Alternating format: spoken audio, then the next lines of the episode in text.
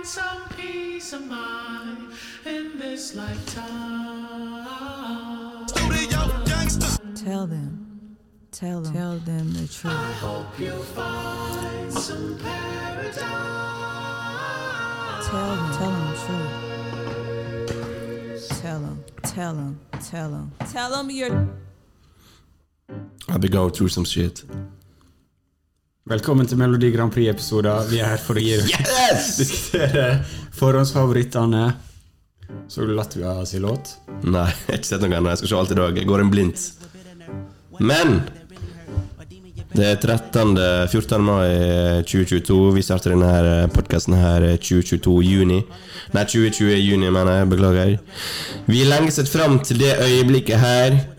Nytt Kendrick Lamar-album. På dagen i går var det 1855 dager siden forrige Kendrick Lamar-album. 2017. Det har sett så mye i livet mitt siden 2017. Det er så lenge siden. Hvis du gikk på ungdomsskolen i går, på videregående nå Hvis du gikk på videregående da, så er du på, på høgskolen. Hvis du gikk på høgskolen, så er du forhåpentligvis i jobb. Dømmingen, altså. Men fy faen, fem år er lenge, ass. Endelig er han tilbake.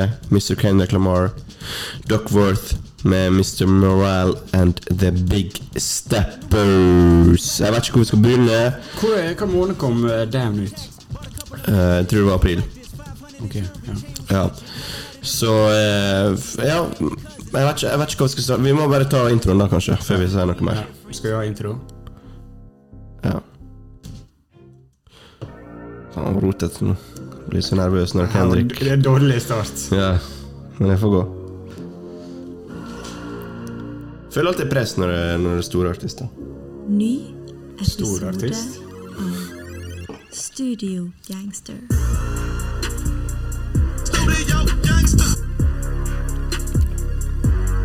That guy's a gangster. I'm a gangster. I'm an OG original gangster, not him. Jeg er Akash, og du hører på Studio Gangster.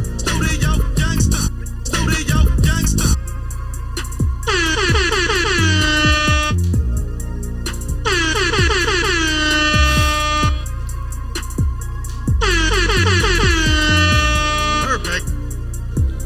Perfect. Perfect. Skru av nå, folk er lei av å høre på det der. Sorry, men dette er Sure Gangster. Mitt navn er Andreas. Eh, jeg sitter her som alltid sammen med Marton. Det er Kendrick Lamar season is officially here. Kendrick, Kendrick Lamar has arrived, and so are we. Det er ja, snakk om Mr. Morale and The Big Steppers i dag. Ingenting annet, ingenting mindre. Og eh, albumet kom i går, så jeg må si jeg var ikke forberedt på denne episoden i dag, Morten. Jeg vil egentlig helst vente et par dager til, men sånn er det når du skal reise tilbake igjen til Sunnmøre. Så må vi bare hoppe i det. Eh, dette her, her er first takes, uh, first uh, thoughts about uh, this new album. Og Kendrick er jo ikke kjent for å, å, å slippe album som er lett å fordøye på noen få timer, så dette her blir en liten utfordring, kjenner jeg. Det blir, det blir first impressions. Men jeg, eh, liksom, hvis vi har venta noen dager, så tror jeg fortsatt de ikke har fulgt meg klar. Vet du hva Jeg mener Ja. Jeg har sikkert vært litt mer klar, men jeg har ikke fulgt meg klar. Jeg synes det, Vi hadde jo en Kendrick-episode for eh, et år siden, kanskje. Sjekk den ut. Der går vi gjennom diskoen hans og alt det der. Og jeg husker til og med da så følte jeg litt sånn Jeg kunne ønske jeg hadde mer tid med To Pimp a Butterfly, for det er så mange ting å, ting å hente seg inn på der og hekte seg på og forstå og eh, bry seg opp i. 100% Ja, så det blir, det blir en overfladisk i dag. Det blir overfladisk. Vi bruker vanligvis å gå gjennom sang for sang og komme med tanker her og der og ditten og datten. Ehm, Men ja, uten tvil, litt er den største eh, Vi har sagt i 100 Jeg tror vi har nevnt Kendrick hver episode siden Studiegang startet, nesten. Om at det nå dropper Kendrick snart, og det må jo skje, liksom. Fortell meg om dagen i går. Dagen i går eh, Ja, albumet dropper jo klokka seks om morgenen, som vanlig, som alle nye drops gjør. Eh, jeg sleit med å sove, jeg gledde meg som det var julaften. Jeg var som en liten kid som skulle legge seg på lille julaften der. Eh, jeg våkna først klokka fem, sjekka tra- Spotify om det har kommet ut. Det har ikke kommet ut ennå. Greit, la meg til å sove. Våkna av meg sjøl, ingen alarm. Jeg våkna eh, sånn kvart over seks, kanskje. Eh, jeg bruker vanligvis å stå opp rundt sju-halv åtte. Så jeg sto opp kvart over seks. Sjekka da hadde det selvfølgelig kommet ut. Uh, sjekka tracklisten. Uh, jeg gikk inn på badet, gjorde litt stell, stellarbeid. Satt meg ned i godstolen ved, ved vinduet, satt på Kendrick Lamar, og så felte jeg ei lita tåre. For uh, så stor påvirkning har Kendrick Lamar uh, for meg, eh, sikkert for mange også. Eh, forskjellige grunner til det. Eh, men eh, det var Uansett hvor bra albumet er, eller hvor dårlig det er, det var, eh, det var spesielt å høre, høre det igjen. eh, Uansett hvor corny det er. Men, eh, men det var det. Jeg støtter det veldig, veldig godt, skal jeg si. Veldig mye. Musikk, musikk er noe av det som liksom vekker mest følelser for meg. Um, og jeg syns hele dagen i går var sånn Jeg følte det var noe Det høres teit ut, men det, det var noe hellig med å skru på dette albumet. Sant? Jeg var på jobb og sånn, og jeg ville ikke jeg ville ikke høre på albumet mens jeg jobba. Jeg synes det var litt sånn Når skal jeg trykke play her? Jeg hørte kanskje disk 1 før jobb og disk 2 etter jobb. Og Det føltes aldri rett ut å høre på det. Jeg ville egentlig bare sitte i et tempel og ta det inn. Ja. Uh, og det føles litt sånn ut fortsatt. Det, det føles det, Lenge siden jeg har følt et album vår så så stort. Om jeg har fulgt i det hele tatt i løpet av denne podkasten, det vet ikke jeg. Ja. Nei, det har vi definitivt ikke. Det tror, det tror jeg kan, jeg kan si for oss begge, at um, dette er nok det største albumet vi kommer til å snakke om, uh, uansett hvor lenge vi holder på.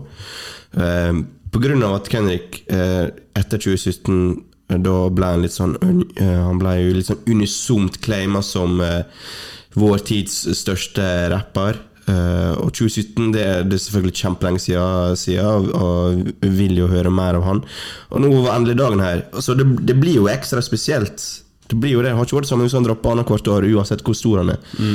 Så en stor dag uten tvil. Så jeg klarte å høre albumet en gang før jobb. Jeg hørte det en gang um, på jobb. Jeg hørte det to ganger på jobb, faktisk. Og så hørte jeg det når jeg trente uh, etter jobb. Tre ulike opplevelser. da Ja, ja det var jo det. Og så eh, har jeg hørt to ganger til etter det. Så eh, det, det høres det, Albumet er jo det, er superferskt. det er ikke ofte du hører et album så mange ganger på et døgn. Nei. Det tror jeg Jeg føler det sånn Hver gang det er et stort album, så er det sånn du hørte et album fem ganger på ei uke. Ja. Mens nå er det fem ganger på et døgn. Liksom. Det er det. Det er ganske sjukt å eh, tenke på. Og det er det Og det er et langt album også. Det er et langt album. Og, ikke, altså, greit nok det er langt med tanke på eh, minutter, men det er jo tungt. Mm. Eh, masse å, å ta inn over seg. Eh, og det er ikke sånn at vi skal sitte her og drive med diktanalyse og eh, gå i dybde her på alle tematikkene som blir dratt fram. Eh, alt av Alle refleksjonene som man gjør. For her er så sjukt mye å ta tak i. Men liksom hvis du skal liksom digeste det her, så må du liksom ha mastergrad i, i uh, diktanalyse eller noe sånt. For altså her er som vanlig alb- øh, Kendrick så er det så komplekst. Eh, Det er så mye forskjellige stringer. Det, det, er bare, det er bare vanskelig. Det er vanskelig. Jeg personlig så Jeg følte albumet forandra seg over natta, bare. Eh, Det var en helt annen opplevelse før jeg la meg. Og ikke at jeg hørte på det mens jeg sov, sant? men jeg våkna opp og så følte jeg noe annet om det da, og så på det på en annen måte. Og det jeg sier i dag, det vil ikke, vil ikke være gyldig om ei uke.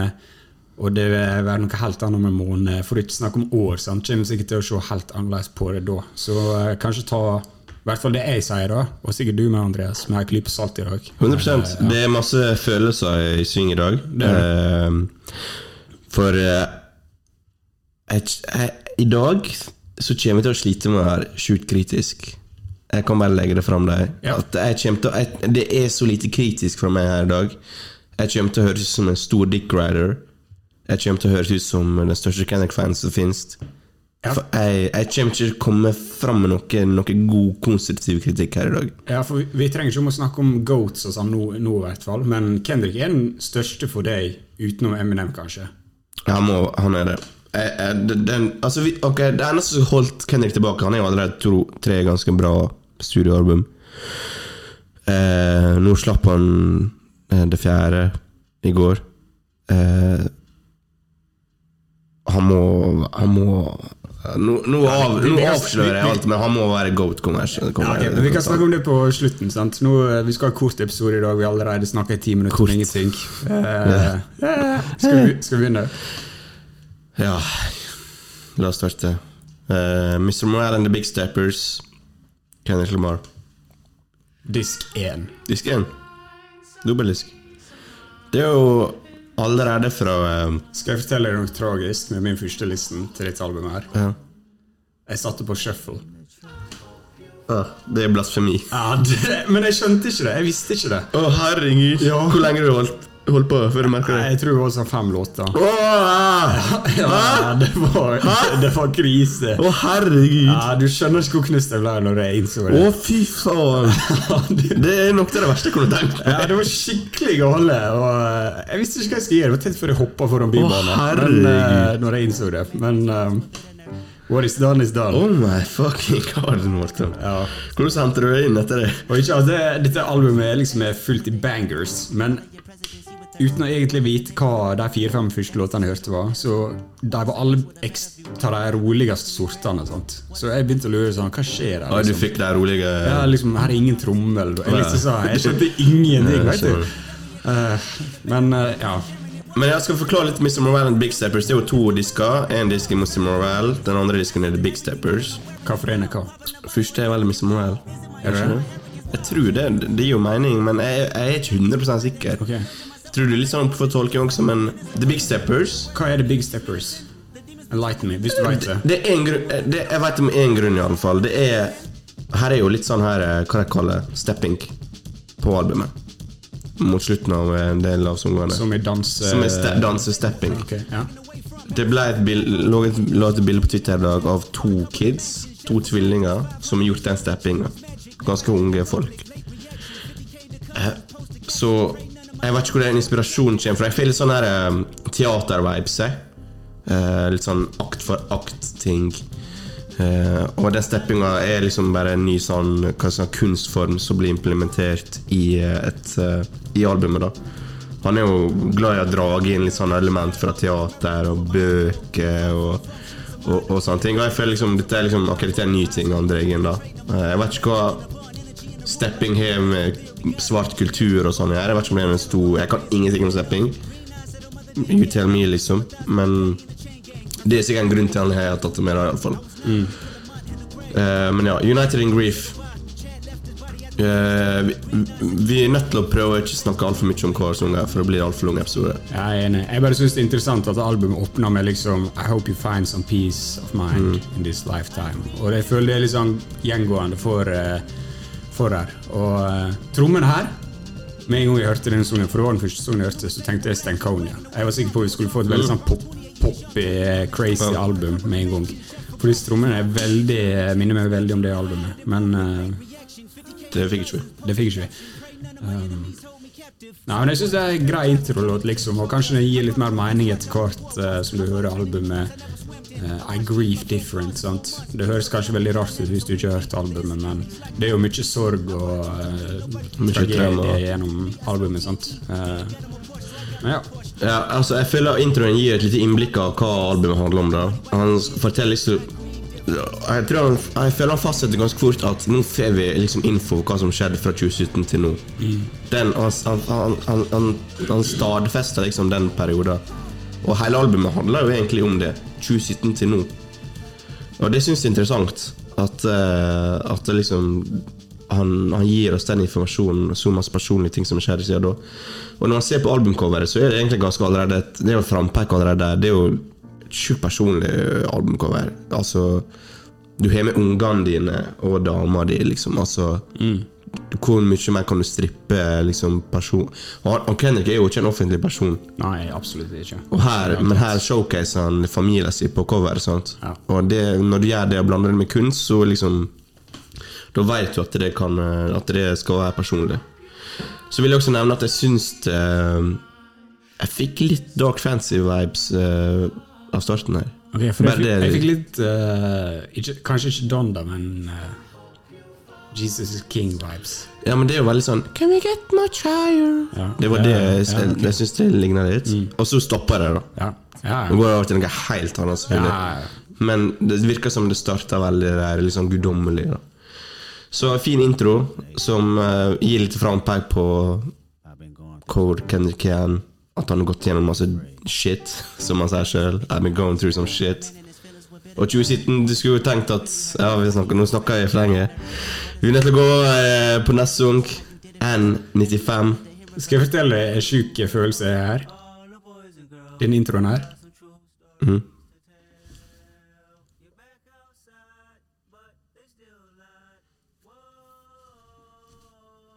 For veldig sånn Beach Boy, Beatles-vibes.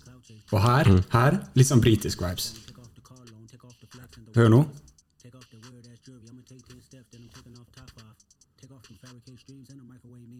Er du ikke med? Han snakker liksom om wifi. Det er ikke wifi, Nei. det er wifi. Jeg får ikke det. Ikke det det? Ok. slekt på, men Og på, og på, på slutten der får jeg veldig sånn Dette er skrevet av Kanye. Jeg vet det Jeg prøver ikke å overreache her, eller noe sånt, men eh, det var den følelsen jeg får. Um, Ja, N95 er jo ansiktsmaske. Ta av maska di. Og, men han drar inn mot andre ting.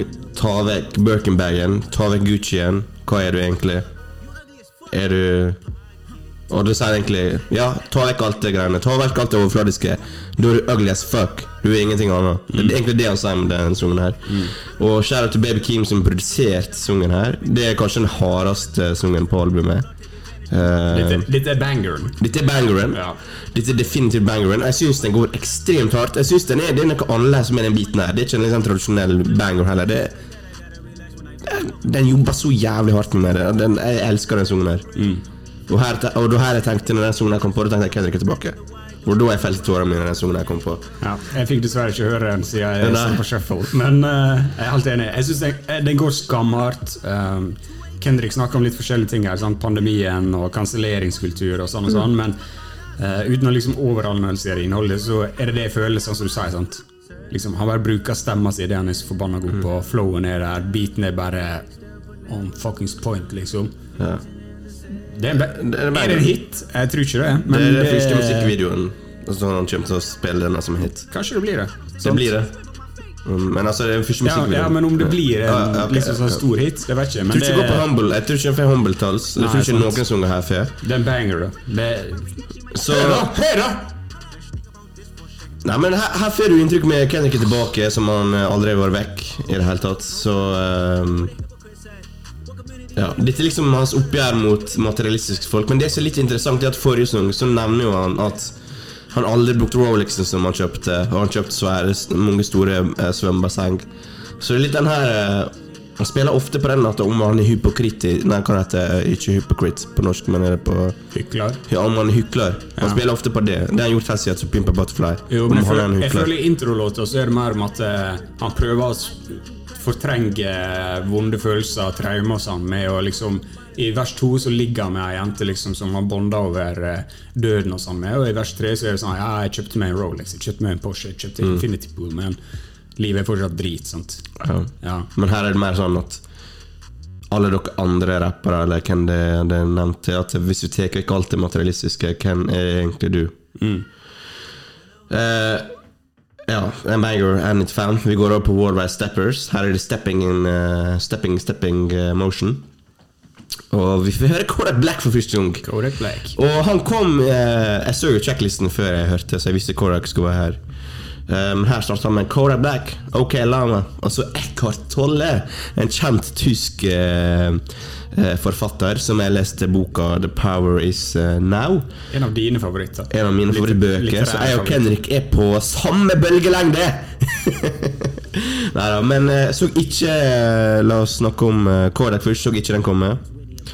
Eh, I det hele tatt. Det var At han skal ha sånn narratisk eh, eh, rolle på det albumet her. Det hadde jeg aldri aldri topptippa. Kanskje du Kars hadde, hadde tippa det, siden du nevnte han var topp fem når du var på besøk hos oss. Så respekt for det for å være ahead of your time. Uh, men ja. Uh, her går han på nytt inn i introspective mode, ganske sjølkritisk. Han forklarer kanskje litt av grunnen til det har gått så lenge for at vi fikk forrige album. To år eh, med skrivesperre. Uh, han rappa om ungene sine for første gang, tror jeg. Eh, og han føler han blir dømt av forfedrene sine av at han knuller white bitches, especially in Copenhagen. Så eh, den sangen her, den er litt sånn Beaten framhever stemma hans. Jeg, jeg fikk med meg Det er ikke ofte jeg får med alt en rapper sier på en sang, men jeg fikk med meg nesten alt han sa av den sangen her. Så jeg syns det var litt interessant. Ja, men det kan vi liksom Miksinga og engineeringa på dette albumet er dritbra, syns jeg. Det høres sinnssykt crisp ut i alle ledd, liksom, og det er ikke alltid det gjør. Og sånn som du sa, du får liksom med deg alt, og det tror jeg Kendrick mer skal ha litt creds for. Um, sånn sett, da. Um, men ja, snakk om Writers Block, snakk om det hun uh, The White Chick, og alt det der. Og eh, jeg har jo sett litt sånn kritikk da på internett, fordi han snakker en del om cancel culture og liksom prøver å forsvare liksom ytringsfrihet og sånn. da Mange som var litt sånn, eh, hva skal jeg si, negativt innstilt. da Eh, Jeg syns det var litt spennende, og jeg tror det er liksom Sånn jeg tolker albumet, da, i et litt sånn større bilde, blir det, det legger grunnmuren for hva det handler om her, men vi kan ta det litt seinere. Hooken her er jo I'm a killer, he's a killer, she's a killer bitch. Alle er en killer. Ja. Det er vel det det egentlig betyr. Walking zombies. Sant? Og liksom det at personligheten til folk er liksom bare fortapt seg fordi at uh, cancel culture. Sant? Det er ingen som kan si eller mene uh, noe som helst lenger. Og Og, Kendrick og, også. og det backer jeg. Cancel culture, er ikke vi drittlei det? Altså, det er jo din favorittkultur. Vi snakker jo om den hver episode. Vi skal kansellere de som skal kanselleres, men jeg mener at jeg, jeg mener heller krenkinga, da, kanskje, er jeg så ferdig med. At krenkesamfunnet eh, som vi lever i nå, det er, det er for mye. Sånn, du får egentlig ikke si hva du egentlig mener. Men, men Andreas, her er et uh, counterpoint. skal jeg til å si Hvem som egentlig er blitt kansellert? Det er, egentlig, er det noe som er blitt sånn egentlig? Nei, jeg vet da faen, men, men krenkinga mener jeg at folk blir så krenka. Hvis en fyr ytrer meninga si om én ting, så kan det komme et eh, leserinnlegg i VG om eh, akkurat hvorfor man ikke bør si de tinga der. Det, er det, det, det er det jeg mener som er, Jeg føler det jeg mener. At jeg, liksom, jeg gir meg egentlig faen hva dere mener. Jeg, må, jeg kommer ikke til å si meningene mine. Ja, jeg, jeg synes, ja, jeg er enig. Jeg er ikke uenig, skulle jeg si. Um, jeg kan heller si litt hva jeg tenker om det på slutten. For Ja. jeg føler det er mer liksom Og jeg liker den baren her. I writer's block for two years, nothing moved me. Ask God to speak through me. That's what you hear now. Det er Gud. Han er, Det er Gud. Gud. Han er Gud. Han hadde vært blokk, men han spurte Gud, og så fikk han det albumet her. Eller de ordene her, da. Neste sang, Die Hard, uh, feat eh, Amanda Reifer og eller, hva, Hvordan uttaler det? Vet du det? Lext? Han har vært litt i vinden han var på Nas album. Uh, veldig i vinden med sine egne prosjekt. Skikkelig R&B uh, up and coming eh, fyr der. Og han dreper hooken sammen med Amanda her. Eh, veldig deilig R&B-refreng. Eh, og denne sangen her føler jeg er dedikert til dama hans dama til Kendrick. Han er redd for å ikke være elskbar. Han er redd for at hun fortsatt vil elske han selv om han åpner seg fullstendig. Uh, og Det er liksom en usikkerhet og, og trauma han har hatt fra tidligere forhold. Og jeg tror key-ordet i dag, Marton, blir trauma. Traumer, ja. Trauma. Så i andre vers så overkjenner man det og innser at hun er ikke som alle andre. Og han kan virkelig stole på da. Så alt dette er tatt for genius, folkens. Eh, så hvis noen skal kansellere meg for at jeg har lest for genius, så er det greit. Og her er også en bar jeg vil trekke fram. Det er liksom I got some regrets, but my past won't keep me from my best. Eckhart Tolle. Det albumet her snakker jo bare rett i sjela mi. Um, ja, enig. Uh, kanskje den mest poppete låta sånn uh, Eh, ja. Sånn sett. Veldig sånne deilige vibes og liksom sånn Uh, lett sånn Å, jeg er redd for det ikke er bra nok, eller opp med. Men det er klassisk musikk. eh, Alle sanger Altså Musikken starter sikkert med, med love letters til eh, sine, den du elsker. Ja, jeg, Og kjærlighetssanger det er Uansett hvor mye kjærlighetssanger det er i verden, så er vi alltid plass til mer. jeg er for det. Og jeg er enig. Blacks gjør og Amanda gjør en dritbra jobb. Fin låt. Fin låt. Deilig. Eh, vi går videre, vi, eh, til Father Time. Fortsatt introspective mode på Kendrick her. Og det vi hører nå, er jo at uh, dama til Kendrick eh, sier at du bør oppsøke terapi, og Kendrick sier ingen real N-words trenger terapi. Og det er egentlig det eh, sungen handler om, da. Daddy issues. Uh, han klarer ikke å uh, Han er vanskelig med å uttrykke følelsene sine. Eh, og eh, Ja. Han trekker det videre med at det er et generasjonsproblem. da At det derfor er mange mørke folk handler havner i gang culture pga. forholdet de har med faren sin. At de ikke får den eh, guidinga de trenger. da Instrumentalen her, da. Det er liksom noe av det vakreste jeg har hørt. Eh, ja. Jeg tenker DJ Premiere med en gang her. Gjør det? Ja. Ja, uansett. da Syns det er veldig sånn fint uh, musikalsk og sam Sampa. Sampa. Mm, Eh, klasse. Um, sånn, dette kanskje blir fort en av mine favorittlåter til Kendrick, faktisk. Det er sånn som du sa, jeg syns han uh, beskriver det komplekse forholdet mellom far og sønn veldig godt her. Og hvordan det påvirker han. Og uh, jeg syns denne låta liksom symboliserer mye av det albumet handler om. At eh, han, han snakker mye om hvor det påvirker negativt, sant? og hvor dårlige ting er vår. Og så våkner han litt opp. Han ser på folk som vokser opp uten fedre, eller kanskje har hatt det enda verre. Og da ser han liksom Ok, men kanskje pappa ikke var så gal. Sant? Det var noe bra med han også. Jeg elsker han for at han sa 'take off your gloves', eller hva han sier her. Og du, du hører liksom Kendrick som vokser som person gjennom låta. eh, og innser det. Og det sier jo han i den Han sa jeg, om Kendrick eh, Nei, Kanye Kanye Drake, Drake beefen. Ja, At jeg trenger så, so maturing to do for å skjønne hva som skjedde der når Kanye tilgitt Drake. sant? Ja. Så jeg syns det er en veldig sånn fin låt, og så en fin instrumental. Og um, Jeg syns det er hittil albumets beste låt, liksom. Det er en av albumets mest hva skal jeg si, eh, beskrivende låter da, for selve temaet eh, eh, som det, det spiller på. da For det handler om denne generasjonsgreia som er vanskelig å bryte ut av. Eh, det blir liksom en vond sirkel. da eh, Og i samtalen med, mellom han og Whitney, som er dama, som er i starten av albumet, så kan det virke som at liksom, problemet han hadde med faren, var grunnen til han oppsøkte psykolog in the first place. Eh, for det vi kanskje ikke nevnte, er at eh, han er Det virker som han er kanskje er, er i en samtale med psykolog her gjennom sangene. Det kan tolkes kanskje på den måten. Uh, så ja, uh, denne sangen her er top tier. Top tier. Og Kendrick legger virkelig alt på blokka, virker det som. Mm, absolutt. Vi går til Rich Interlude. Det er en interlude, altså, med kun Kodak Black på. Og Kodak forteller egentlig om vanskelighetene han har gått gjennom for å bli uh, rapstar. Eh, altså, det er så interessant at Kodak er med. Uh, for du vet jo hvem det blir jo hylla av alle, sant? Ja. Universal, universal hulling. Hvis vi ser på Metacritic, 100-100 nesten på alle prosjekter. Kodak han er kanskje i andre enden der. Uh, han blir ikke så Han er på en måte litt sånn Han blir litt heita på. Han, han er ikke blitt tatt til Vi er ikke Kodak-fans i det hele tatt. Vi snakka om han forrige episode, tror jeg. Uh, på Future-episoder. Tror så vidt nevnte han, ja. Eh, jeg er ikke fan av han. Eh, jeg har hørt de siste to-tre albumene, så jeg syns faktisk det albumet han ga ut i år, var ganske bra, men ikke sånn for meg bra. Eh, og sånn, men jeg har også tenkt mye på det her, og jeg har sett litt forskjellige kommentarer om hvorfor Kodak er her. Men jeg føler liksom, han spiller rolla si veldig bra her. Han er veldig sånn Hva skal jeg si? Rå.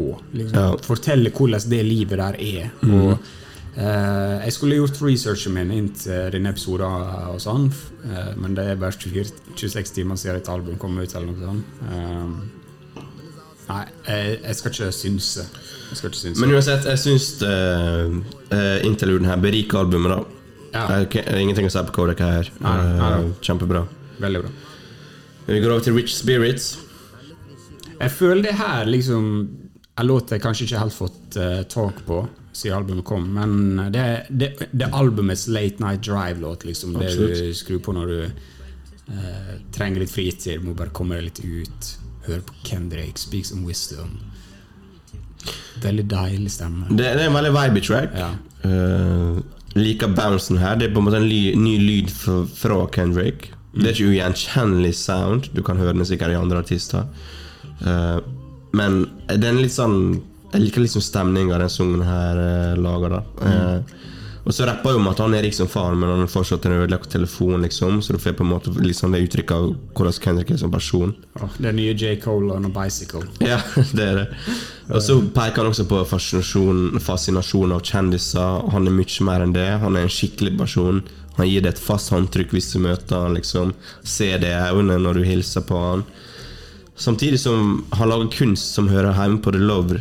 Så han er liksom Framstår som litt ydmyk, men på en måte ikke ydmyk. sant? Han er jo, han erkjenner jo også han lager noe eksepsjonell musikk som holder høy standard. Så vi kan faktisk drage det her tilbake til N95-sungen, der han sier 'You ugly as fuck'. For her sier jo han at Oh, I'm attractive, vet ikke hva han sier på hooken. Det er kanskje Jeg, jeg har ikke alt uh, den sangen. Så bak, jeg tror det er på en måte Det spiller videre på det, for Ja. han, på den N95-sungen så sier jo han Hvis du tar vekk Birkin bags You og sånn, du er ugly. Ja. Men ta vekk alt med meg. I'm attractive. Ja, ok, godt poeng. Jeg ser den. Mm. Det er godt innspill. Ja. Så jeg tror det er egentlig det. God analyse. Ja, takk.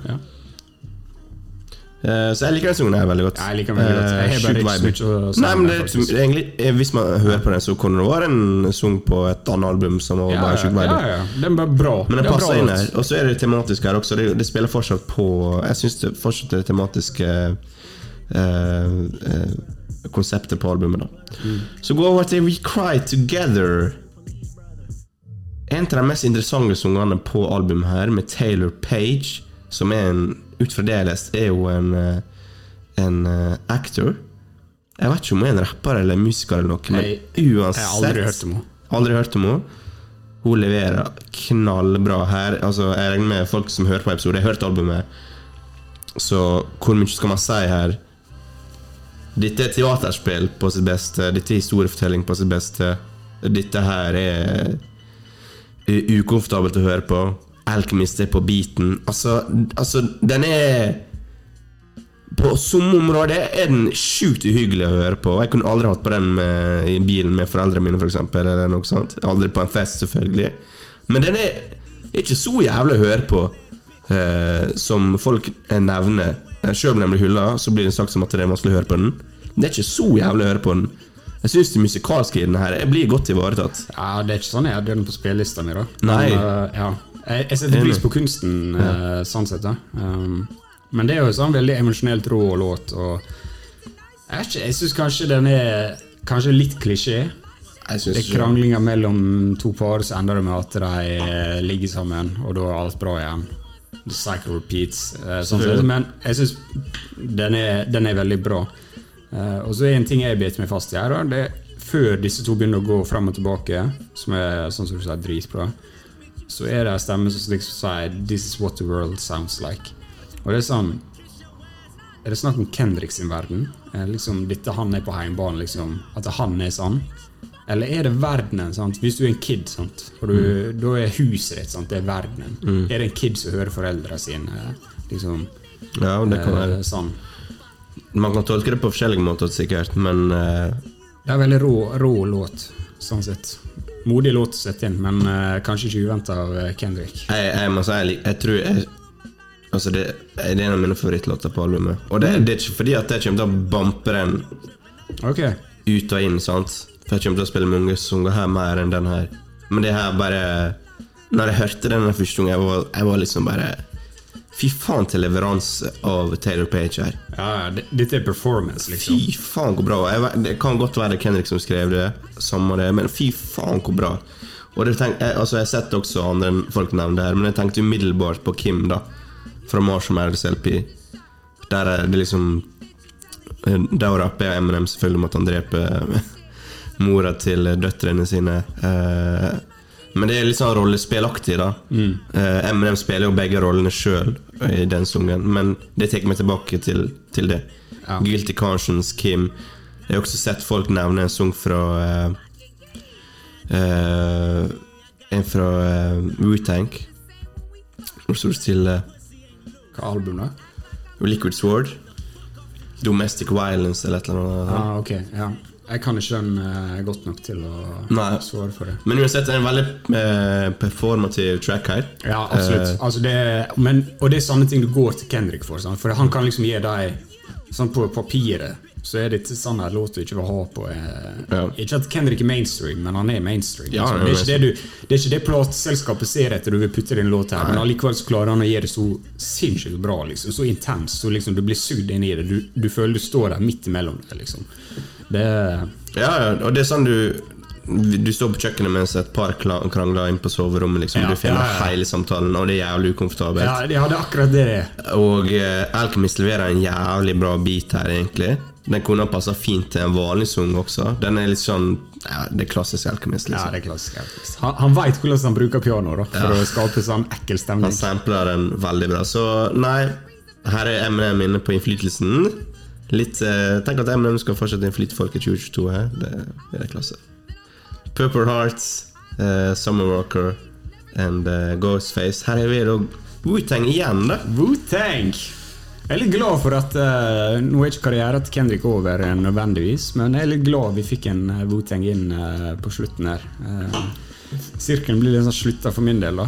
Eh, men det her er jo siste låta på disk én. Yes, Mr. Og, eh, sant, det, det albumet har ikke vært ute så lenge, men jeg skjønner ikke helt rolla til låta. Jeg føler av og til, når det er sånn Kendrick som er en sterk albumartist, så forventer jeg litt sånn En sterk avslutning. Eh, Ja, jeg skjønner ikke helt rolla her. Jeg føler nesten dette her er A Summer Walker-låt med Kendrick feature.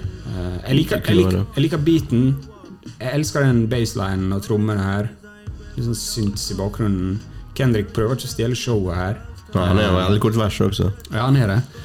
Det jeg biter meg fast i, det er at han sier If God is the source, then I am the plug talking. Det er liksom minst andre gang Det var det første jeg tenkte over. Det er minst andre gang han refererer til seg sjøl som at uh, Gud snakker gjennom han. gjennom han. Ja. Uh, kan, han har sikkert gjort det flere ganger hittil i albumet, men det var det jeg Ja. plukka opp. Jeg er litt enig med deg at det er litt sånn diffus hva rolle denne sangen her spiller. uh, men jeg tror det handler mer om at Når liksom kjæl... Han sier jo det på refrenget, da. Når du holder kjeft når kjærleiken snakker, på en måte.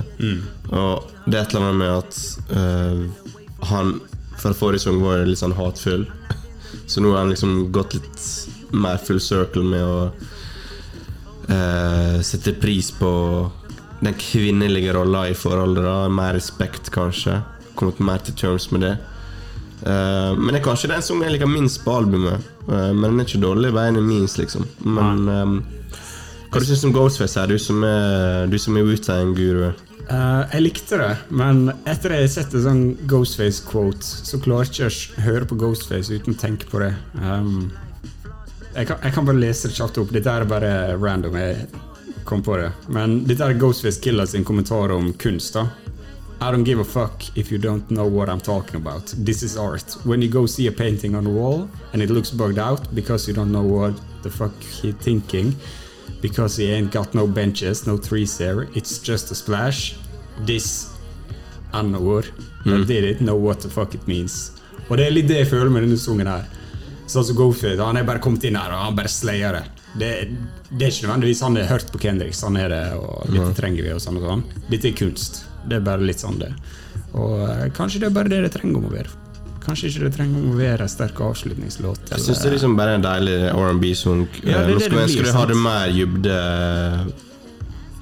Eller kanskje jeg ikke presiserer det riktig, men jeg skulle ønske det var mer poignant. da, Eller kanskje, altså det var mer At det var ja, stående med stor skrift her at uh, nå er disken ferdig. Ja. Og dette Ja, det, vi. Det, det er jeg enig i. Ja. Jeg føler dette kanskje albumets uh, loyalty eller love med, Kanskje. Så er på damn. Vi går over til sang nummer ti. Count Me Out. Da starter vi på The Big Steppers-sida. her starter vi da med samme sampling som på første sangen. Uh, og sangen handler i seg sjøl om at han innser at han er for god eh, for en person som var viktig for han en gang i tida. Eh, og liksom, det markerer også punktet der han får et gjennombrudd med tanke på selve terapien. Dette er liksom Han har begynt å forstå seg sjøl mer. Eh, det Mot slutten av sangen så synger han også 'This is me, I am blessed'. Det er på en måte liksom Han anerkjenner hvem han sjøl er, og aksepterer det. da Og jeg må bare si vokalene i bakgrunnen her, det tar meg hver jævla gang. Eh, så dette er en av mine favorittsanger på, på albumet. Jeg syns det er sterk åpningslåt på uh, disk 2, kan du si. Og sånn som du sier, det vokalene, beaten føler liksom modna gjennom låta. og Det handler jo liksom om å gå videre og vite når uh, dette er det best for meg, og det som er best for meg, det er best for deg, Ja. uh, og sånn. Og eh, kanskje det er overreach her, men igjen sant, så sier han Anytime I couldn't find God, I still could find myself through a song. Og det er kanskje ikke en direkte at det er Gud, men jeg føler kanskje han bare fortsetter å bygge på det. da Uten jeg, jeg skal ærlig, Når jeg kommer på slutten av albumet, så skjønner jeg egentlig ikke hva han vil fram til med det. Men uh, det er greit. Kanskje vi alle er vår egen gud i vårt sitt univers og må ta ansvar for det. Uh, men det er en veldig fin Fin låt. Veldig bra. En av mine favorittsanger. Jeg, jeg tror ikke vi skal male mer på det. Nei. Den er, den er klasse. Nei. Jeg vil egentlig høre den ferdig nå, men vi bytter. Ja. Vi går på Crown. Litt sånn stille låt igjen. Um, litt sånn World World Steppers, bare enda roligere. Jeg får sånn teater-vibes av den. Ja, okay, de har ja. monolog på teateret. Ja. Står bare og snakker, det skjer mye bak han i kulissene, blant annet. Derfor har jeg skrevet noe lignende. Jeg har skrevet Det føles ut som soundtracket til en sånn dyster, melodramatisk britisk høyklasseserie. Ja, men det er jo det. På, på den gode måten, liksom. Ja. Ja. Og her anerkjenner jo selvfølgelig sungen jo Crown. Han anerkjenner jo at han har The The Crown, liksom. Han er kongen i, i rap-gamet. Og han forklarer også at han ikke kan gjøre alle fornøyd. Og det er egentlig sånn basic eh, greie. Du, selvfølgelig kan ikke please alle, men jeg tror du må tenke tilbake på liksom, hvor stort press Henrik har hatt til den utgivelsen her. Med tanke på hans status i rap-gamet. ja, det gir veldig mye mening, det jeg rapper om her, og press og åra og ting som vi forventer, og sånn og sånn. For det, det vi må bare si altså det, hvor, høyt, hvor høy kvalitet forventa ikke vi skulle droppe i går? Ja, Og, og uansett om vi liksom prøver å strippe oss for de forventningene, sånn, det er der pga. det han har gjort tidligere. Sant? Så han har satt seg sjøl i den posisjonen der alle forventer at alt han rører, det blir til gull. Eh, så han spiller liksom videre på det gjennombruddet fra, fra forrige sang også, at eh, han, han- føler på stort press siden dem om å levere.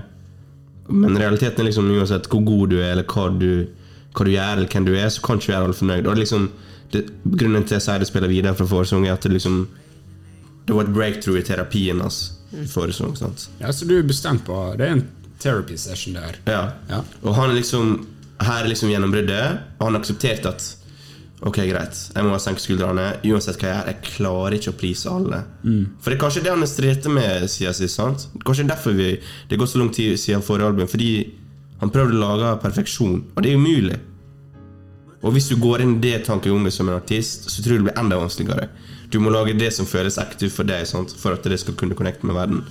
Hvis du går ut for å please alle, så blir det liksom en Sånn som for eksempel Eminem med Music to be murdered by. Han lager liksom eh, flere sanger som passer til forskjellige Eminem-segment. Noen ligger aggressiv Eminem, noen ligger rolig Eminem, noen ligger eh, Stan Eminem. Altså, Noen han, han, dårlige Eminem. ja, og han prøver å please alle i de albumene. sant? Ja. Ja, jeg er helt enig. Eh, og det kan ikke du gjøre som artist hvis du skal liksom ha disse verka her. da er egentlig ferdig. Ja, nei, men jeg, jeg er helt enig. Altså, og det, jeg føler dette gjentar gjennom gjentagende tema. Og bare sånn Du får små drypp av det over hele plata, og det, jeg føler det er det som største forskjellen på liksom Good Kid Mad City og To Pimp a Butterfly. Det, jeg, jeg sier ikke det enkle album, men det er på en måte veldig enkle å følge i forhold til Damn og det albumet her. Nå er jo det albumet her veldig fresh, liksom, men der, der forteller han deg på en måte hva du skal tenke hele veien. Mens på Damn Jeg sliter fortsatt med Damn og liksom egentlig skjønner hva Kendrick vil fram til. Og jeg føler også det her også. Du må sjøl trekke linjene. Og her slipper han det dryppet om at eh, jeg kan ikke være liksom den store Det dere skal ha meg til å være. sant? Og det han Og sangen føler for meg handler om at han aksepterer det. For jeg tror han liksom skulle ønske han var det. Men her liksom han, uh, han legger usikkerheten bak seg Ja. pga. terapien. Ja. Breakthroughen. ja. Silent Hill, Feet, Kodak. Her uh, Først jeg tenker her da Nå har vi gått veldig jubla på alt vi snakker om her, alle sangene. Eh, Så helt sånn overfladisk kan jeg tenke her Kendrick sin eh, beste Carty eh, interpretation. Play by Carty. Oh, damn. Det er det du tenker? På, Okay. Ja, ja, ok, Jeg har ikke tenkt på det samme. Jeg, hør på den brassen her! Jeg er enig. Ja, ikke på en dårlig ja, måte. Jo, superbra. Vet du hva, dette, dette var nice du sa. Ja. Jeg, jeg skjønner det med en gang nå når du sier det. Who? Who? Til alle dere som sa Hola Red var skeit. Gå tilbake og hør det. Jeg, jeg, syns det var skeit når det kom ut. Hater det. Det verste jeg har hørt. Men nå jeg Det respekterer er jeg det. faktisk helt sant. Det er veldig Playboy Carty over det der. 100 eh, Og eh, hva man skal si eh, I'm here for it. Det er en perfekt sang for Kodak til å komme på og skinne på. Det handler om at han Slik jeg tolker det, at det, han står litt på en seier til alene, litt upåvirka. Bygger videre på gjennombruddet, som jeg nevnte i stad. Og push these N-words off me like Hew! Han takler liksom alt bullshitet som man må deale med. Han bare brusher av han. Han har gått gjennom en stor reise, mye introspective shit for å komme dit, men nå Han klarer å brushe det av seg, liksom. Det er mine tanker. Og det er en vibe. Det er en vibe. Og uh, shout-out til Kodak Black. Han, eh, han dreper det på den låta her. 100. Det er ikke dette du forventer kanskje at uh, Jeg skal ikke si at han washer Kendrick, men uh, han går toe to toe. Men det har sitt element. er Kendrick ikke Kodak opp her, da. Ja, 100 Og jeg er bare nødt til å si liksom, Det er første gang jeg har hørt noen rappe om å liksom overleve på en boks tunfisk. Og for meg så er det liksom Det er første gang en trap-rapper er relatert til meg. Og jeg tror jeg og Kodak er brødre, liksom. For meg blir dette automatisk uh, albumets beste vers. Kanskje århundrets beste Nei, da må du gi slutt. Jeg og Kodak er akkurat samme. Vi, vi er same, bro. Jeg håper Kodak eh, blir signert til BG Lang. Så han kan få et eh, Jeg tror ikke han kommer til å bli det. Jeg håper han blir det. For da tror jeg han kan skinne. Hvis Henrik har så stor tro på han at han setter den på albumet sitt. Ja, Det er veldig rart. Det, det var det første jeg tenkte på, for jeg har lurt på uh, featurelista eller tracklista hele veka. Og så håpet jeg liksom vi skulle få den onsdag, kanskje torsdag. Liksom våkne opp da, så står det navnet til Kodak Black der, liksom. Men det er litt sånn som vi snakka om altså, tidligere med Tyler Creator. Vet han setter opp NBA Youngboy sant? på en av fjorårets beste sanger. Kendrick gjør ikke at det blir en til årets beste unger, men han setter han opp her. Ja, liksom. og det er det jeg ser. Det er mange som sier liksom, jeg kunne ønske han var på albumet, eller featurene blir sammen hos han. Altså, bro, du har aldri laga musikk i det Ja, hele tatt, for ikke å snakke om det kunsten Kendrick driver med. Ikke tro at du Altså, det er lov å ønske seg, men Ja. det, det, det er en grunn til Kendrick gir det han gjør. Trekker på de folka han gjør. Altså, han, han, han setter ikke på Drake og J. Cole på bekostning av det store formålet til albumet. da Absolutt ikke. Da, Og det hadde ikke han skulle gjort heller. At han skulle bare tvinge inn en låt som ikke passer. Sant? Så det ødelegger hele opplevelsen. Ja. Så en uh, Hva skal jeg si? Det er ikke en banger, men uh, det er en low-key banger. Ja, Low-key trap beat. Trap banger. Ja. Og Henrik på Carty eh, må jo elske det han hører her. Så går vi over på neste interlude, den andre interluden på albumet. Her har vi selvfølgelig søskenbarnet til eh, Kendrick Lamar, Baby Keem, Fetteren, som eh, for dere på Østlandet. som har prega rap-gamet det siste året. Vært på Donda. Uh, var på Family Ties, er fjorårets største sanger. Melodic Blue var et uh, bra album.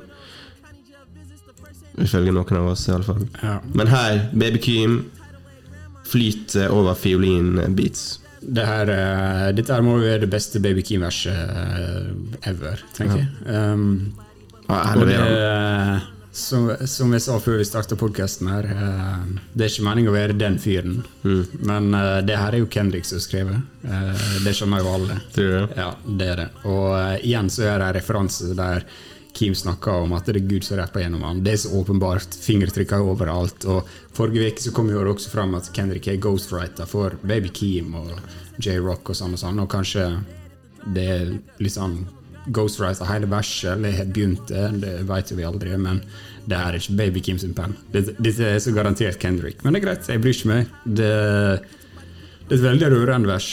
eh, eller interlude. Og eh, Baby Keem stemmer hans passer perfekt inn her. Det, det er litt som Kodak Black sin uh, interlude også. Han snakker litt om problemene han har hatt gjennom oppveksten. Mm. Uh, så de spiller litt på det greiene der, og oppveksten sin og trauma, rett og slett. Ja, og Jeg sa trauma var keywordet. Men en annen ting er også at eh, Baby Kim han switcha flowen sin opp 56 ganger på dette verset. Det er helt vilt å høre på, liksom, og hvordan, hvordan det fungerer. Og det er jo kanskje noe vi ikke har nevnt på albumet hittil, men det er mange, det er mange sånn strukturer som ikke er tradisjonelle, og liksom Kendrick Ferber til å være så bra, liksom. Kendrick? Sånn jo, men på albumet generelt. Ja, ja, ja, ok, ok, ok. At det, der er så mange sånne rare biter og liksom Ja. hooks og pre-chorus. Mm. og bridge og alt det der. Liksom Mastermind. Savior Interlude Det får meg til å, å håpe veldig på neste Baby Keem-album. Jeg tror jeg, Akkurat nå føler jeg han kommer til å bli en av de neste store, virkelig. ass. Litt på grunn av Samme det om å skrive alt sjøl.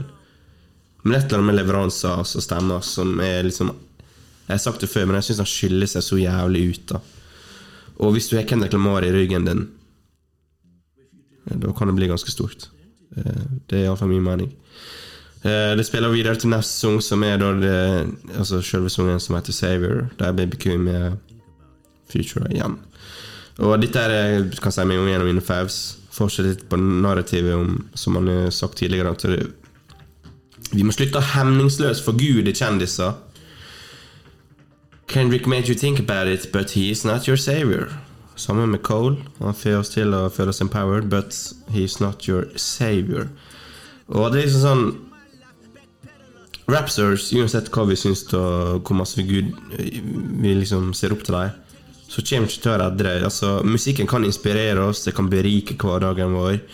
Uh, det er liksom det kunst skal gjøre. Og hvis du føler deg beveget av kunst, som jeg ofte gjør av, av musikk Jeg sa jo jeg grein da jeg hørte på Kenrik. Ja, det er ikke nødvendigvis fordi at jeg av Kenrik men det er bare et eller annet med kunsten som beveger meg. da Og liksom Ja, det er liksom Det er opp til deg sjøl å redde deg sjøl. Det er ikke Kendrick som skal redde deg. Du må, hvis du virkelig sliter, må du faen meg finne ut av det sjøl. Som Kendrick har gjort på albumet her, som han har forklart. Han forguder jo Tupac. Han nevner jo også Tupac i sungen. Og Mortal Man, siste sungen på To Pimp Butterfly, er jo et intervju med Tupac. Uten tvil om at Tup Kendrick forguder Tupac.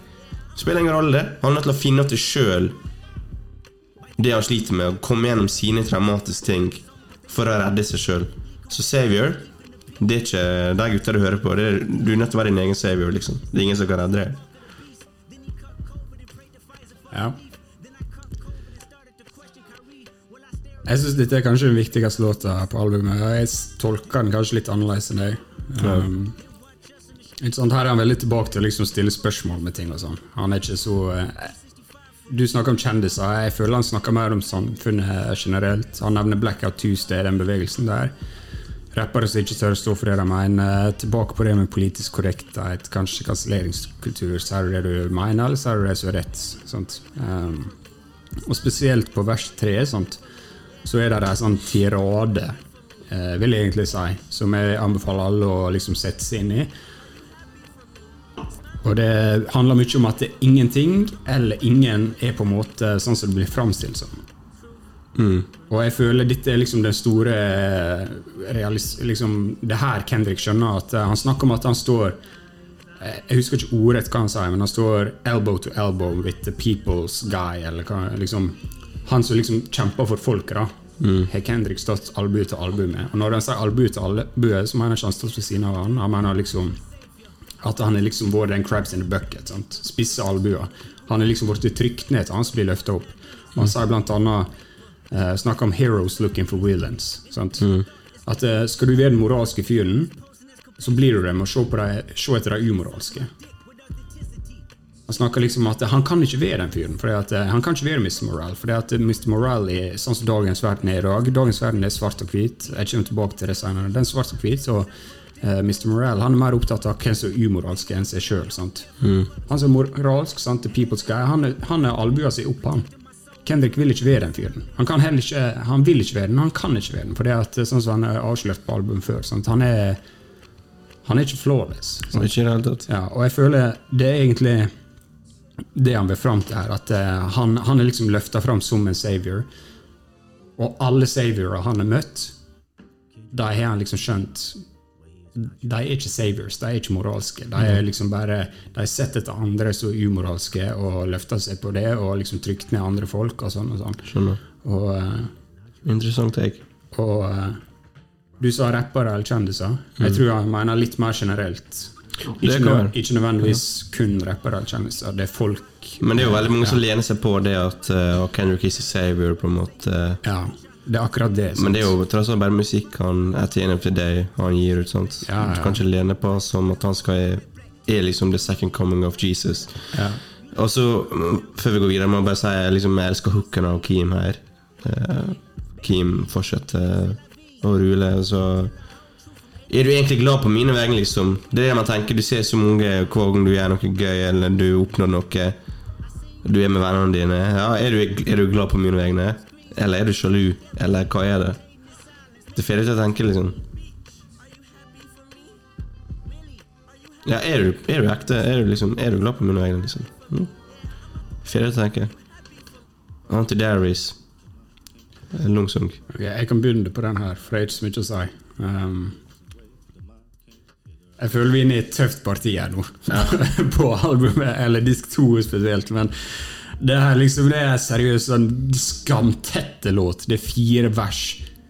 Det er ikke ofte du får fire vers liksom, Nei. eh, på en rapplåt. Og uh, jeg syns liksom Jeg har sikkert hørt den fire ganger. Fire vers. Uh, det belyser godt veldig mange måter vi tenker på, og hvordan Kendrick klarer å få det fram. At vi eh, Love thy neighbor og alt sånn, men hvis noen er litt annerledes enn deg, så tenker du annerledes om dem med en gang, og hvordan han har opplevd det, og hvordan vi alle er skyldige i å liksom dømme andre uansett om Kanskje det som er, framstår som store forskjeller i dag, sant? vil være trivielt i framtida. Uh, som det også var for 50 år siden. Sant? Det som var store forskjeller da, det er trivielt i dag. Sant? Men ja, det, det er på en måte alt jeg vil si. Jeg føler det er en veldig interessant låt. Og eh, jeg trenger å høre mye mer på den, på en måte for å si veldig mye om det. Dette er klassisk Kendrick storytelling som man i viss at Good Kid-messig. Liksom. Han har flere sanger, han har iallfall to sanger der som er over sju minutter, eller hva faen det er. Og den her er jo eh, Edda ser på den lista, da. Ja, lung. Og det er ikke så mye å si enn at han forteller jo en historie om to uh, transgender people her. Og uh, ja, det er på en måte en sang dedikert til LGBTK-communityen, på en måte. Pluss. Pluss. pluss. Ja, sorry. uh, og jeg er enig, vi skal ikke gå inn i dybde her. Her er det sikkert så mange YouTube-filmer allerede som kan dissekte den sangen. Jeg jeg, gleder meg til å ha sett alle de smarte folka i det dette albumet, her, sånn jeg kan skjønne det bedre. Ja. Ja. Men det er liksom Han går liksom på det hypokrit... eh, Nei, hyklergreiene i han da. Om at eh, det med at han kan si F, faggot-ordet.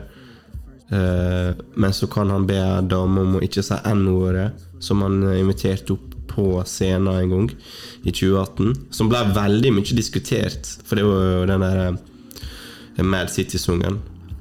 hun skulle synge. Og da ba, hun, ba Kendrick hun spesifikt om å ikke si N-ordet, da, selvfølgelig Okay. når hun var på scenen. Og han ble kritisert av det. da For altså, Hun er jo en fan, åpenbart. Hun elsker jo sangen din. Hun er på konsert med deg. Hun vil jo bare synge sammen med deg. Hvorfor skal du ikke kunne si det ordet? Og så ble jo det en debatt. sant? Og så trekker han tilbake til at eh, han sier jo sjøl at han har sagt faggot-ordet bare på sånn morsom måte. sant?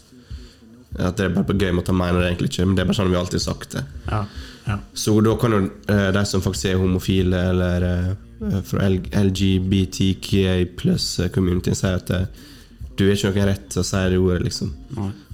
Eh, så hvis han kan si faggot-ordet, noe han åpenbart har gjort ofte, da, så kan alle andre si N-ordet. For det blir på en måte hyklerisk å si noe annet. Så han spiller litt på det også, så han går igjen jævlig. Og Ja, han, han, han han, spiller, spørs, han, trekker alltid inn seg sjøl og, og personlige erfaringer og Tror du han har ei tante som er blitt mann? Det virker jo sånn, da. Men jeg har jeg skulle trodd man har hørt om det før, på en måte, men hvem veit? Hvem vet? Det, uansett, da. Det er sjukt bra historiefortelling-track igjen. Ja, da, det er det. Eh, Det er det, jeg, det, er det som er, jeg har så mye respekt for den låta. Jeg vil ikke si noe 24 Nei, den er klasse. Det, den, det er ingenting å si. Anti-Darius Det kan fort bli topp ti Kendrick-sanger, det, liksom. Eh, Nummer 16, Mr. Morale, med Tana. Lowain. Det er nok sant. Han er liksom features jeg aldri har hørt om. Ja, han, han er sterkere. Um, det her er jo en uh, Pharrell-beat, Ja, Du Pharrell i, i monitor igjen. og uh, Pharrell er borte på alle albumene til Kendrick. Det kan være. Han er i hvert fall vært før. Ja, Uh, uansett da Eh, For meg så får jeg veldig eh, sånn innhold i låta. Jeg får veldig To Pimp a Butterfly flashbacks her. Mye snakk om liksom den svarte mann sin eksistens og de store hindre der og eh, generational eh, Ja, det er generasjonell trauma, liksom. Det er hovedordet i dagens episode. Ja, eh, og igjen så eh, han refererer til seg sjøl som Gud her. Eller a demigod i første vers.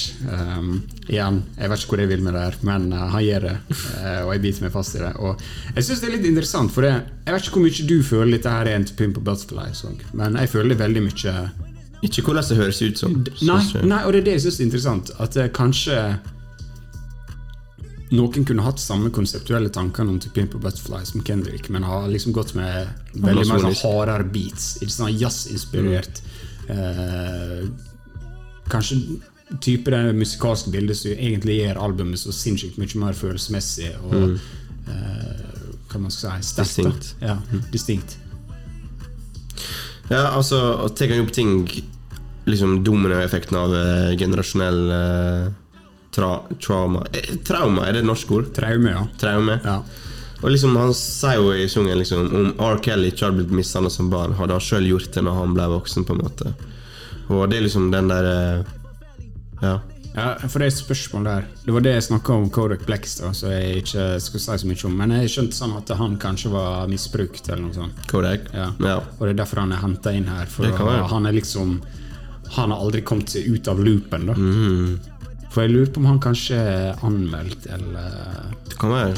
Han er jo veldig kontroversiell fyr, altså, men jeg kan ikke så mye om han. Nei. Det er derfor jeg vil ikke si så mye om det. Men ja, det er jo interessant å tenke da at den der generasjonelle traumatiske ting, altså Hvordan skal man bryte ut av det? Mm. Det krever veldig mye, tror jeg. Ja, og det går jo igjen i albumet, sånn som på den eh, den eh, låta der han krangler med hun dama. Der nevner jeg også det at eh, du er grunnen til at eh, Ja. folk ikke skjønner at R. Kelly var det går der, over hele albumet, egentlig. Ja. Eh, så ja, song, sonisk, da, sungen Bare fucker du med den? Ja, ja, absolutt. Ja. absolutt. Det burde jo være en av de sterkeste sangene også, med tanke på navnet. som heter Mr. Morale. Ja. Uh, vi går over til neste sang. Nest siste sang, 'Mother I Sober'. Og Her sa du i stad at dette var kanskje hans uh, beste sang noen gang. Kort. ja. Ehm, med far for å eh, liksom cop out, så uh, føler jeg igjen sant? Det er sånn låt jeg har så mye respekt for. Jeg er veldig forsiktig med hva jeg sier. Men det, det er definitivt da den tetteste låta på albumet. Det er denne låta jeg kommer til å høre år etter år oppdage og føle mer og mer om nye ting. Og uh, det minner litt mer om, for meg, da, uh, mer avanserte, modne mer personlige, sårbare versjoner av låter som You, Sing of Me, I'm Dying of Thirst. Det var den første jeg tenkte på. Ja. Me. Ja, og på den måten så er dette liksom Det er dette som Kendrick låter på albumet, på en måte. Um, det er veldig traumatisk. Han innrømmer her at han er sliter med utroskap. Liksom. Mr. Morale, han driver og ligger rundt og, og sånn og sånn. Uh, det er liksom eh, han, han har vært en fortapt mann over flere år her og f- liksom viser oss hvordan det er spilt ut gjennom hans sine nære relasjoner. Om det er er de gift? Kona eller samboer eller mora? tror de er gift. Baby mama eller, og mora og sånn og sånn. Og det er en veldig mørk låt. Og jeg må bare si det sånn som det er. liksom Jeg blir jævlig stumt av å høre på den låta. her Det er sånn, Du får litt sånn klump i halsen. For det er så uh, intens, på en måte. Og det er så sjukt Han er alt, kan ikke alltid være personlig, da. Men her er det på helt annet nivå. Da. Han er alltid vært personlig. Jeg syns Damn er et kjempepersonlig album. Men her er det helt annet. Så han utleverer seg fullstendig, liksom. Og Ja. det avslutter også med at liksom dama sier at 'you broke a generational curse'. Som liksom vært, vært tematikken over hele, nesten hele albumet. Og liksom, jeg føler liksom læringa du sitter igjen med albumet, er liksom at det, det er opp til deg sjøl å prosessere smerta di, sånn at du sjøl kan sette deg fri til slutt. Ja, for hva mener du med det? You broke the generational Curse. Med at det er fa- father issues han hadde, eksempel. Ja. Han lærte opp ungene sine til å, å prosessere følelsene sine, snakke om følelsene sine. At det er greit å være lei seg, det er greit å føle på forskjellige ting. Og at det er liksom det, Jeg føler liksom generational curse er liksom Det er liksom det store tematikken til hele albumet, egentlig. Okay, ja. Og hun sier jo det sjøl på slutten, som jeg sa, og det er, bare, det, er det som sitter igjen mest med meg, er bare at eh, you did it, Kenrick. You, du er liksom kommet ut av, eh, av tåka sjøl. Ja, for det, det er det jeg også umiddelbart tenker på. Men jeg føler kanskje det er ting, flere ting jeg ikke Her er sikkert det, altså Albumet kommer til å gå, liksom. Ja, ja, ja, det gjør det. Og altså, Dette her er ikke noe sånn finish take, liksom, men det er det vi sitter igjen med. Mm. Det begrenser med minutt i et uh, døgn. Jeg bare syns det er spesielt at en hiphopartist Bare hør på beaten her. Mm.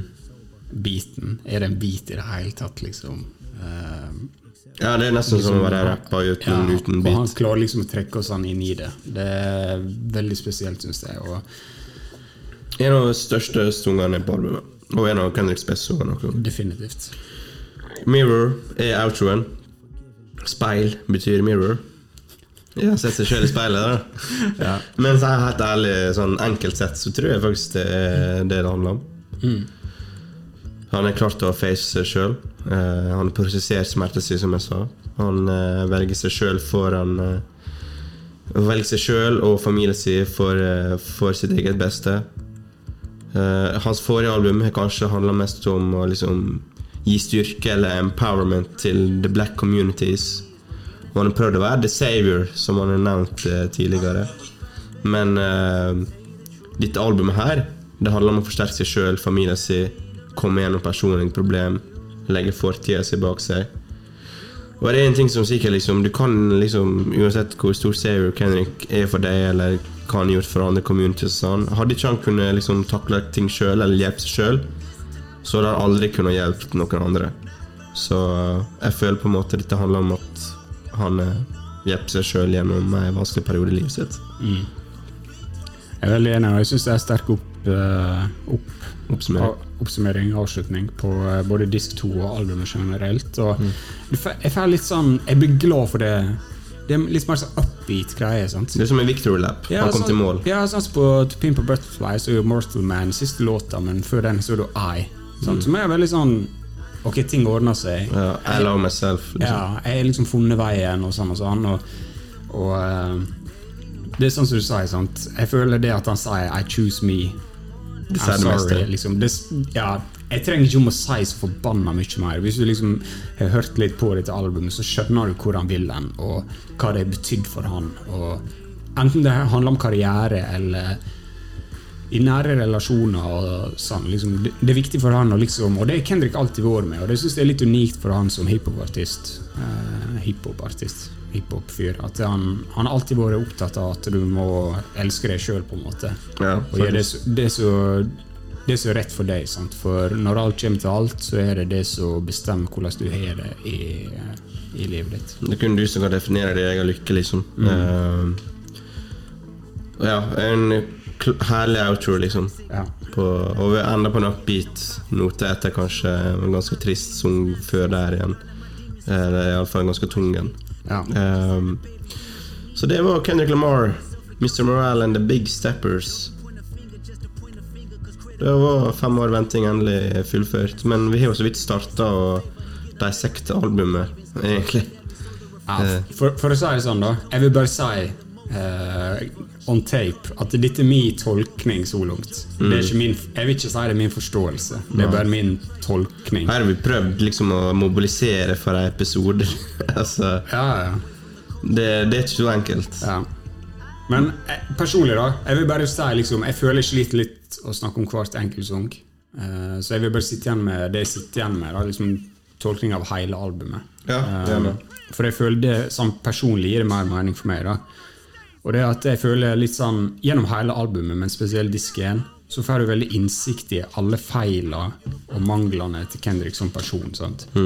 Han, blir holdt, han er blitt holdt veldig lenge eh, veldig høyt som artist og menneske, som et forbilde. Sant? Og sånn som Han sier, sånn, han er på en måte the savior of rap. og liksom, Sånn du vil være som artist. Sant? Han, er, Han er ikke opptatt av penger og bling og, og uh, bitches and cars og alt det greiene der. sant?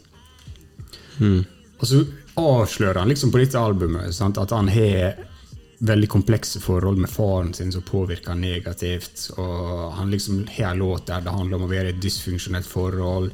Han problematiserer liksom sine rasistiske holdninger, hvis du vil kalle det det. For han er bevisst på at han logger med hvite jenter, og hva det betyr og sånn for han. Og han går liksom så langt som å si om hvis alle dører våre vært åpne da, i livet hans, så hadde kanskje han også vært kansellert. For det, vi alle sier og mener kanskje ting som ikke er Jeg føler det han mener med hele den kanselleringsgreia. At uh, det er ingen av oss som er perfekte eller alltid sier det rette, og vi lærer mens vi lever, og hele den greia der. Og jeg føler på disk to, sånn som du sa, Andreas, så aksepterer han at han liksom Han, han er ikke redningsmann. Han er ikke liksom Han vil ikke være det, og han er ikke det. Og han kommer liksom mye mer tilfreds med det der, at han, han liksom hva skal jeg si, Livet er mer sammensatt, han er mer sammensatt som person, og det er liksom greit å ha sine feil. og Istedenfor å liksom prøve å sette folk i bås, da, så bør vi akseptere og tilgi hverandre som, som medmennesker, i stedet for å liksom hele tida holde folk der oppe. Sant? Vi trenger ikke om å, vi er nødt til å akseptere at eh, til og med de som står helt der oppe, de, de har sine feil. Sant? Sånn som Kendrick viser på den plata. The Savior. Han er vært utro. Han er liksom han sine sjuke tanker og, og sånn. Og jeg føler det han liksom prøver å komme til bunns i med å vise her, at han han er feilfri, du er feilfri, og det er greit. Det er stor psykologisk gransking, sjølgransking, Mm. her albumet. her. Ja. Det går inn i psyka til uh, Kendrick, spesifikt fra 2017 til nå. Mm. Som jeg, jeg syns faktisk er ganske unikt at det er liksom over en bestemt periode også. Det er på en måte som han har gitt oss informasjon om akkurat hva som skjedde siden forrige gang vi hørte fra han. Mm. Det er liksom ingenting Det er ikke noen sånn historie utenom kanskje en anti-diaries og sånn. eh, Der han snakker om tida si som ung, eller noe sånt. Det, er- det, er ganske spesifikt tidsperiode. Fra 2017 til nå. Eh, så jeg føler liksom at han er kommet med den updaten om, om hvor han har vært de siste åra. Og kanskje at nå er han på et helt nytt sted, plutselig. Som får oss til automatisk til å tenke på framtida. Hvor er han da? Uh, så ja, men Det er Kendrick Lamar. Han er liksom vår tids største artist. Men altså, hva, hva, hva sitter vi igjen med nå da når albumet kommet ut? Hva, er han goat? Er han dårligere stilt på goat-konversasjonen? Er han bedre stilt? Vi må bare break it down, liksom. Vet du hva jeg føler litt albumet? Mm. Jeg føler Good Kid Mad City til People Butterfly Det var aldri laga for sånne som meg og deg. Nei. Det albumet her, jeg tror det liksom vi, Jeg og du og alle andre i gata her kommer aldri til å bli sett som Mr. Morale eller uh, The Savior. Men vi alle kommer til å relatere oss til det Kendrick beskriver her, om at uh, jeg, er, jeg er ikke feilfri, liksom. Men jeg må få kunne leve for det på en måte sånt. Så sånn sett tror jeg dette albumet kommer til å legge til legacyen hans med at han er på en måte laget et album for alle. Selv om det handler litt om han er Gud og Savior og alt det der. Og jeg tror dette bare adder til det. Det er litt tidlig å si, men det er kanskje det mest uh, tilgjengelige albumet, føler jeg. Uh, Mer enn Damn? Det, altså, Damn jo blir jo sett som mest Damn- Jeg føler Damn er kompleks som faen. Altså. Det er jo det, men på overflata så kan det bli sett på som hans mest popalbum, og det er hans mest Ja. kommersielle album. Ja, men sant, det, det er interessant, for det var det alle tenkte når Damn kom. Og så tok det litt tid, så begynte folk å skjønne her er mer. Sant? Mm. Ja, og det er Kanskje jo det. Ja, og det er helt sikkert det som skjer nå også. Jeg tror dette albumet er jeg, jeg vil bare si dette albumet er komplekst, men jeg føler det er lettere enn mye annet. Så Kendrick gitt ut. Ja. Eh, Det, altså det er mer simpelt pga. at det handler mest om hans sjøl person. Alt annet er så større pga. det handler om eh, svarte communities og, og black lives, liksom. Her er det mer om seg sjøl personlige ting, og det kan flere relatere seg til. Ja, det er det jeg mener. Og det blir jo også Det er jo mer relaterbart, selvfølgelig. Men det er også det som gjør det unikt. da det, Han har ikke hatt et så introspektivt album som det her. Og jeg tror dette er kanskje en av de få instant classics jeg har hørt noen om. Ok.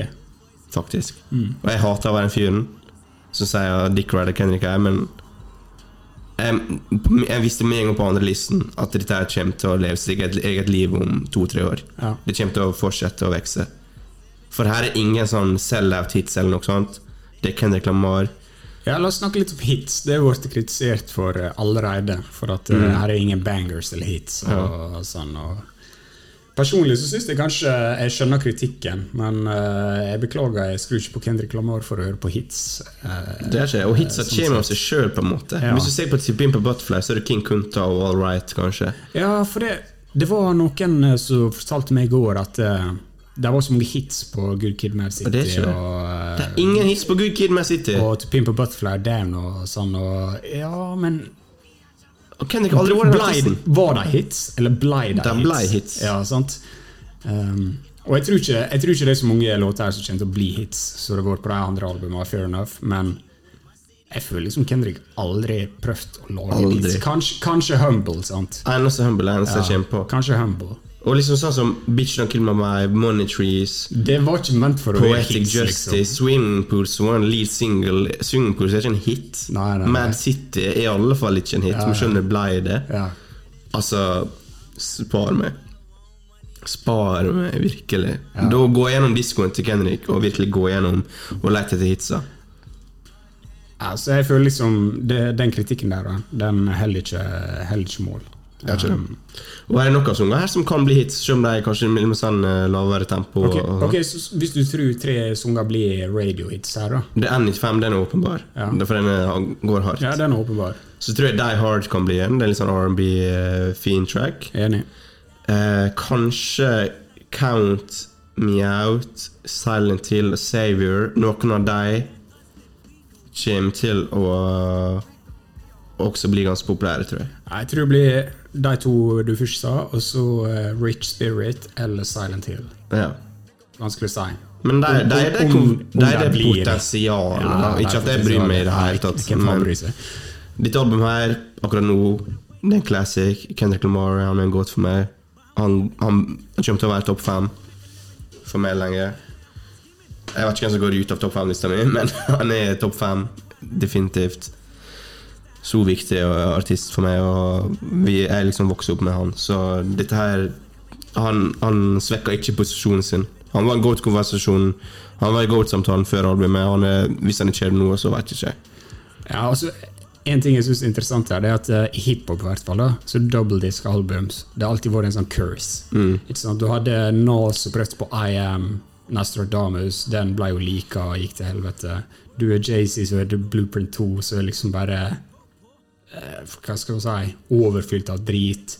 Du har ja, liksom, hva, hva er liksom det beste Det er ikke så mange double Da var disc liksom me, liksom, jeg tenker Ja, på. Det er et godt poeng. Du er liksom det albumet, og kanskje Speakerbox Love Below. Ja, Outcast. Men det fins ikke mange double disc-album i hiphop. sant? Men jeg føler han selger seg litt inn her. Det er bare 1 time og 13 minutter. Jeg har hørt mange one single-disk-album som er lengre enn det. For all del. Men jeg føler liksom der er et skille og argument for at det faktisk er en double disc. Og jeg tror ikke det er tilfeldig. Jeg føler kanskje det er en double disc, spesielt sånn på 90-, tidlig 2000-tall. Det var noe alle ville ha, men ingen fikk til. sant? Nas fikk ikke til, Jay-Z fikk ikke til, Biggie fikk det kanskje til, Outcast fikk det til.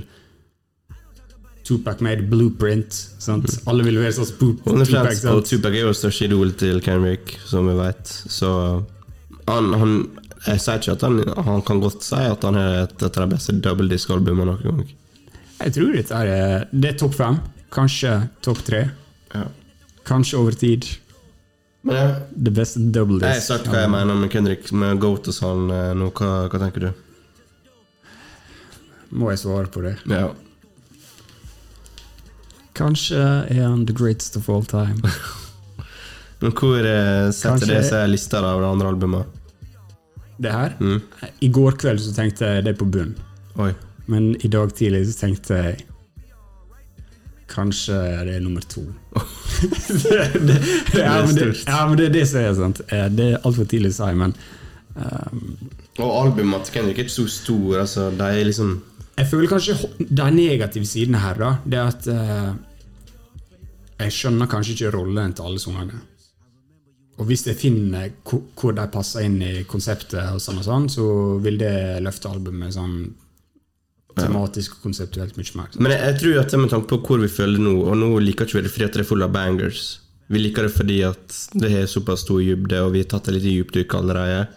Jeg tror bare det kommer til å vokse mer og mer jo tida går. Jeg tror ikke vi er lei om det her, av det albumet her om et år. Nei, nei. Som vi er av andre gode album eh, som er kommet i år. Nei, nei. Og det er sånn som låta 'Purple Heart', sant? så jeg kanskje ikke skjønner hva vitsen med å ha den her. Men det er fortsatt bra låt. Fin låt. Ja. liksom. Og, her, og, Her, her er ikke en dårlig låt. Her er Ikke ei dårlig låt. og det, på det, 19 låter. jeg, sa jo, jeg vet ikke om jeg sa det i starten, men jeg har veldig vanskelig med å komme med kritikk på det albumet. her Kjempevanskelig for meg å komme med Det det. ingenting negativt å si.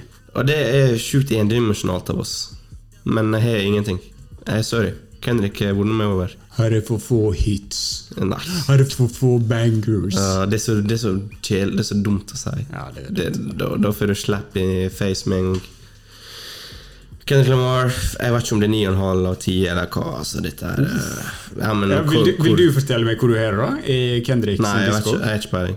Det, det kan være foran Good Criminal City i dag, det kan være etter i morgen. Det, altså, det, det er kriger mellom topp tre. I, i topp tre-plassen. Første, andre eller tredje. For meg. Ja. Sikkert andre. Ja. La oss gi det litt tid. La oss gi det litt tid. Dette var vår oppsummering av Kendrick Lamars nye album Mr. Morale and Big Steppers. Tusen takk for at dere hørte på. Ehm, dette albumet kommer til å være i rotasjon kjempe, kjempe, kjempelenge. Et av eh, vår tids uh, største album. Uh, bare sjekka Metacritic. Det er 100 Altså, det Det er Kash, og du hører på Studio Gangsta. Eh, Det var feil. Men det er faen meg 100 poeng av 100 mulig på Metacritic per nå. Det, det er helt vilt. Så vi snakkes neste gang. Hva skjer da? Det vet ikke. Ha det.